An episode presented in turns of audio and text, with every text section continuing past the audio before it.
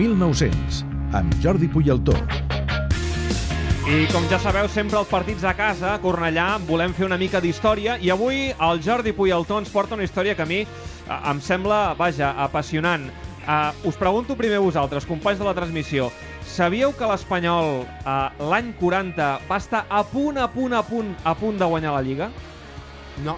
No, no ho sabíeu, això? No ho teníeu Home, controlat? alguna cosa sabíem, Sí. però evidentment qui ens ho pot explicar millor és el Jordi. Jordi, què tal? Bona nit. Bona nit. Uh, aquí de escolta'm, va estar a punt de guanyar la Lliga si no fos, no, no per un tema arbitral, Sí. ni per un partit perdut, ni perquè el, alguns jugadors lesioners... No, no, per un accident de trànsit. Va ser per un accident de l'autocar que van tenir, sí, sí, sí. sí.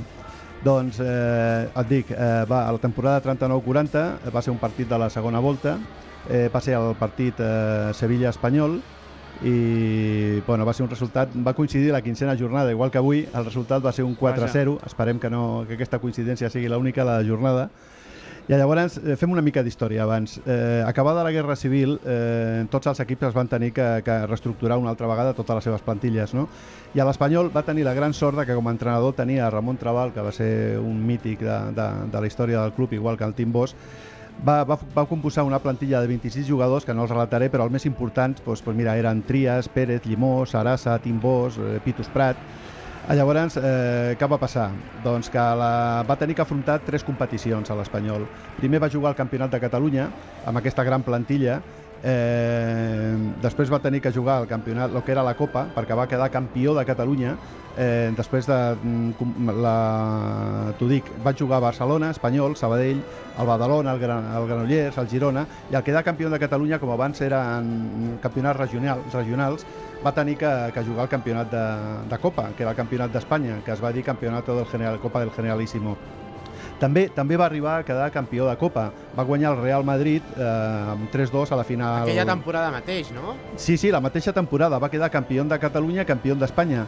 El que es va dir la final de la calor, el 30 de 6 del 1940, després d'eliminar el Llevant, el Celta, el Barça una altra vegada i el València. O sigui, era un equipàs impressionant. I llavors ja ens centrem a la Lliga. La Lliga portaven 14 jornades, eh, de les quals les 8 últimes, des de la sisena a la 14a, a l'Espanyol anava líder. Anava Anava perquè hi havia menys equips en aquella època, Sí, eh? havia, no és com ara que només hi havia 22 n'hi ha jornades 20. perquè està, hi havia 12 equips, no? Llavors, eh, ja dic, anava líder les 8 últimes jornades, va vèncer inclús el Real Madrid per 5 a 4 a Sarrià, i llavors què va passar? Pues que després del partit de jugat a Sevilla, que es va perdre 4-0 perquè va caure un diluvi, va ploure moltíssim, doncs a l'autocar, a l'autocar en el que tornaven, que es deia el Pájaro Es tornava amb autocar des de Sevilla, amb eh? autocar, amb autocar, baixaven, baixaven, viatjaven amb autocar. I es deia el Pájaro Azul, era un, un autocar que tenien expressament... Que era l'autocar de l'Espanyol? Era l'autocar de l'Espanyol. I el no Pájaro Azul, eh? No és que lliguessin Molt un bé, d'un- està bé Hi havia un que sempre viatjaven amb ell que es deia el Pájaro Azul. Llavors, a l'arribar a, a Talavera de la Reina, l'autocar va patinar, va, va, es va copejar contra un arbre i va, va donar voltes, va, va córrer voltes de campana. I absolutament tots els jugadors van quedar condicionats de major o menor gravetat. Tres d'ells van haver de ser eh, tractats a un hospital local, que van ser el porter Trias, el defensa i capità Benito Pérez i un debutant, que era el primer partit que jugava, que era l'Antoni Cayuela. El Cayuela eh, va salvar la vida però va perdre un ull. I Va perdre un ull a Va perdre un ull i es va tenir que retirar. De fet, va ser l'únic partit pobre que va jugar amb Aquest nosaltres a la primera debutava. edició. Sí, sí, sí. Eh, El Trias va tenir un traumatisme cranial i a Pérez, que era el capità, fractura de clavícula. Tots ells van arribar a Barcelona el dia següent amb tren. Però què va passar?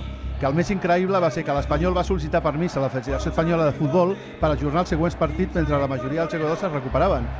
I lamentablement la Federació Espanyola va negar, va negar aquesta autorització de suspendre els partits. Ostres, Llavors només quedaven 7 partits per, eh, per acabar la Lliga, van tenir que jugar molts, molts reserves, només van guanyar dos partits, van perdre 5 i van quedar, van quedar o sigui, cinquens. van passar de, de ser líders, d'anar disparats ser cap líder, al tipus, Exacte. Aquest accident cinquens. va impedir que amb les lesions dels jugadors doncs, poguessin continuar eh, per aconseguir el que es deia en aquella època el triplet, perquè van quedar campions de Catalunya, campions d'Espanya i si no hagués passat aquest accident haguessin segurament quedat campions de Lliga. Rebuscant per la fantàstica hemeroteca del Mundo Deportivo hem trobat la notícia que explica tec, aquest accident de l'autobús de, Mhm. de l'Espanyol.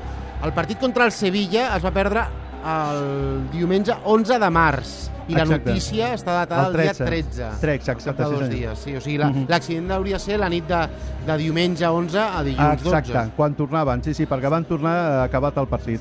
I va ser, va ser una llàstima perquè segurament hagués estat la primera lliga que, o la única, en aquest cas, passats 112 anys, que, que l'Espanyol hagués, hagués guanyat.